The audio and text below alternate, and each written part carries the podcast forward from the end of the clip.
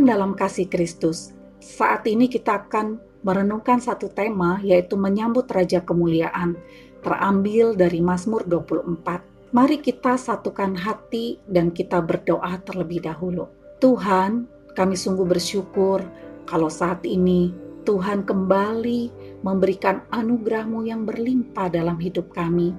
Salah satunya yaitu melayakkan kami untuk datang menghadap hadiratmu, berhadapan dengan firman-Mu, juga berhadapan dengan pribadimu. Kiranya Allah Roh Kudus membukakan kepada pikiran kami ini Tuhan tentang pribadimu, tentang kehendakmu. Dan kiranya Allah Roh Kudus juga menjamah hati kami yang paling dalam, membuat kami ini tunduk kepada firman-Mu, dan dengan penuh kerelaan, bahkan dengan sukacita, sedia melakukan apa yang paling Engkau inginkan dari firman-Mu saat ini. Dan kiranya Allah Roh Kudus juga menuntun setiap langkah hidup kami sepanjang hari ini, sehingga kami melakukan segala sesuatunya seperti yang Tuhan inginkan berdasarkan perenungan kami saat ini. Ini doa kami demi nama Tuhan Yesus kami berdoa. Amin. Mazmur 24, demikian bunyi firman Tuhan. Mazmur Daud, Tuhanlah yang mempunyai bumi serta segala isinya dan dunia serta yang diam di dalamnya.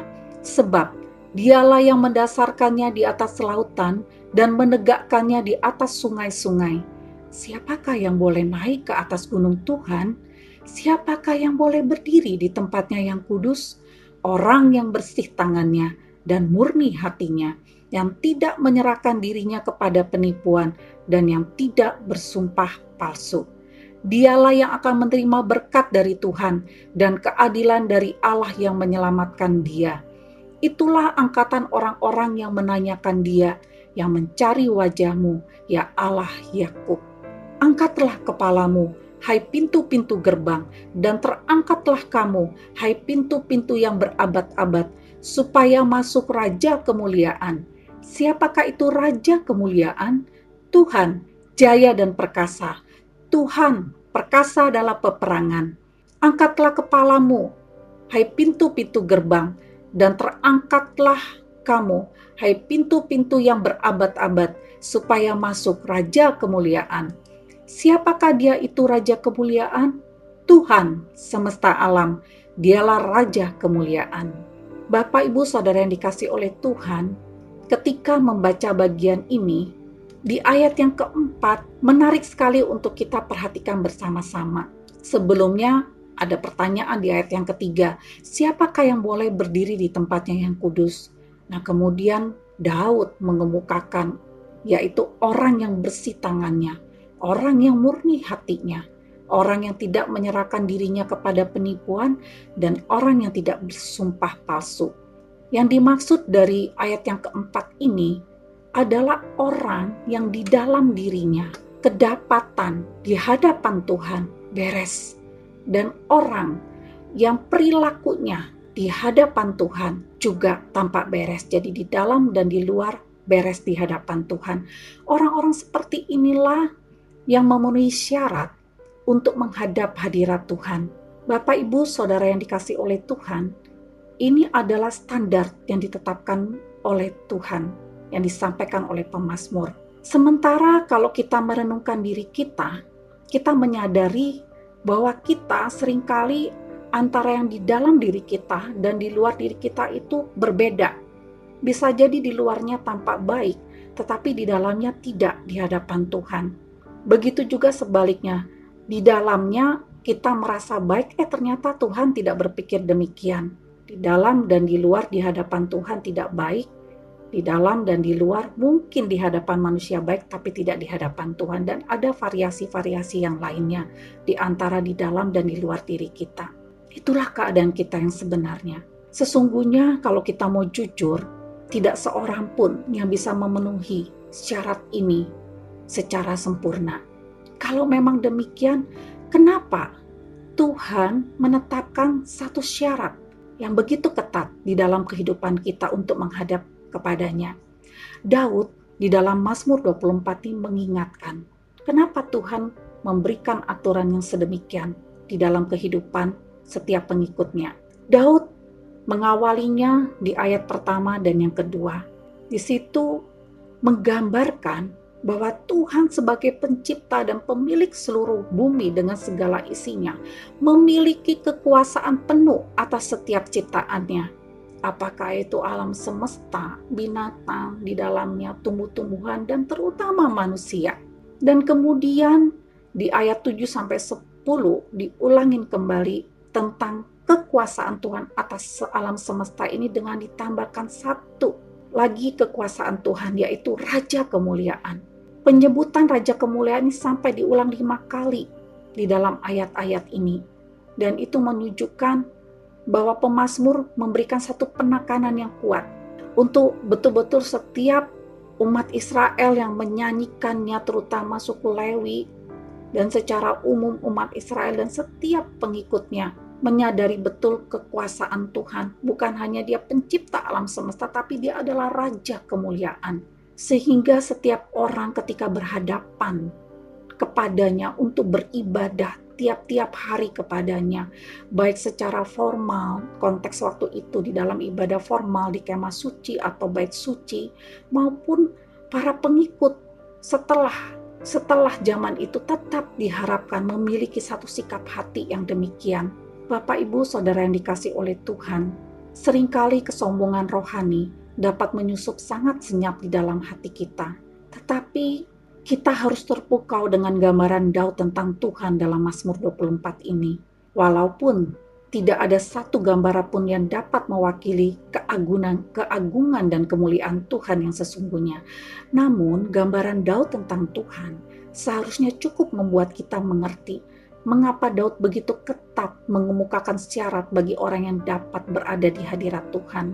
Bapak Ibu Saudara dikasih oleh Tuhan, ketika kita mempersiapkan diri untuk menghadap hadirat Tuhan, apakah kita memiliki sikap hati yang demikian? Apakah kita telah menilai, mengevaluasi perilaku kita di hadapan Tuhan secara demikian? berhadapan dengan Allah yang menciptakan alam semesta dan berkuasa atasnya termasuk kita di dalamnya.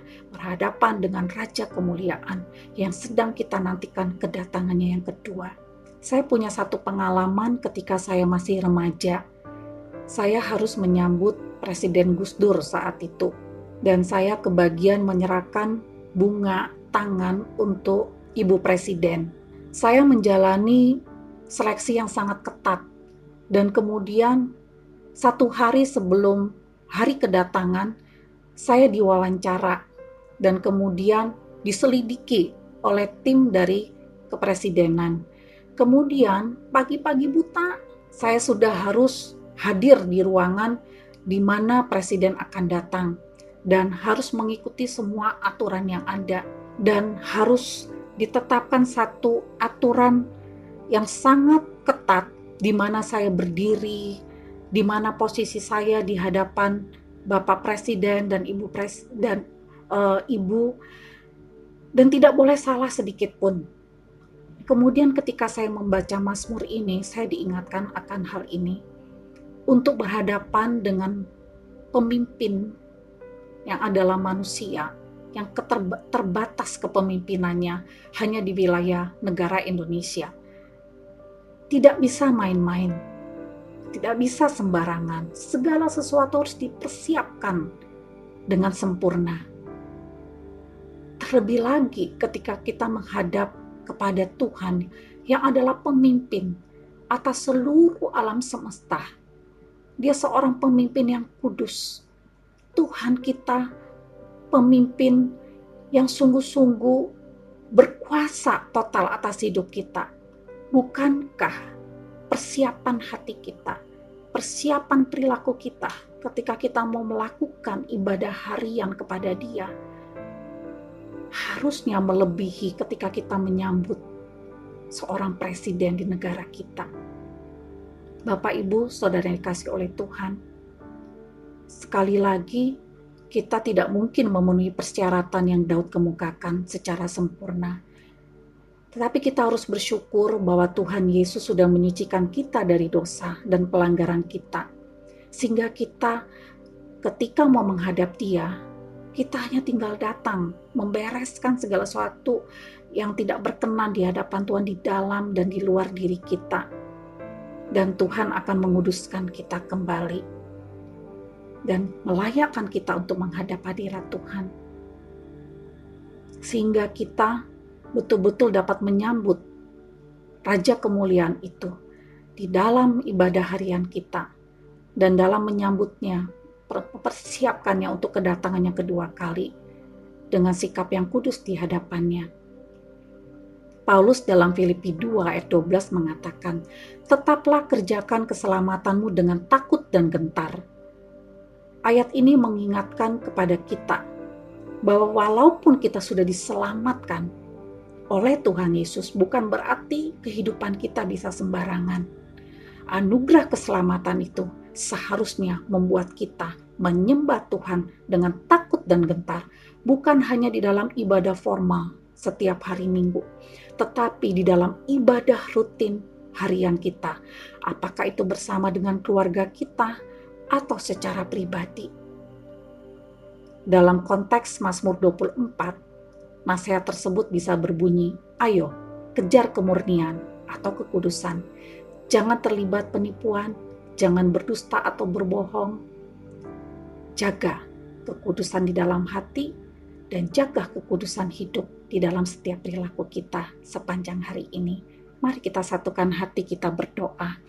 Tuhan, kami bersyukur Mazmur 24 ini mengingatkan kami kembali untuk kami sungguh-sungguh sepanjang hari ini menjaga kekudusan hati kami di hadapanmu dan menjaga kekudusan setiap perilaku kami di hadapanmu karena setiap hari merupakan satu ibadah kepadamu Tuhan di dalam dunia pekerjaan kami, di dalam dunia pelayanan kami, di dalam dunia keluarga kecil kami, di dalam dunia relasi kami satu dengan yang lain dengan sesama kami. Apakah itu sesama orang yang seiman dengan kami maupun yang tidak seiman dengan kami. Tolonglah kami ya Tuhan, supaya setiap apa yang kami pikirkan, rasakan sejak hari ini menjadi satu penyembahan yang kudus di hadapanmu. Demi nama Tuhan Yesus kami berdoa. Amin.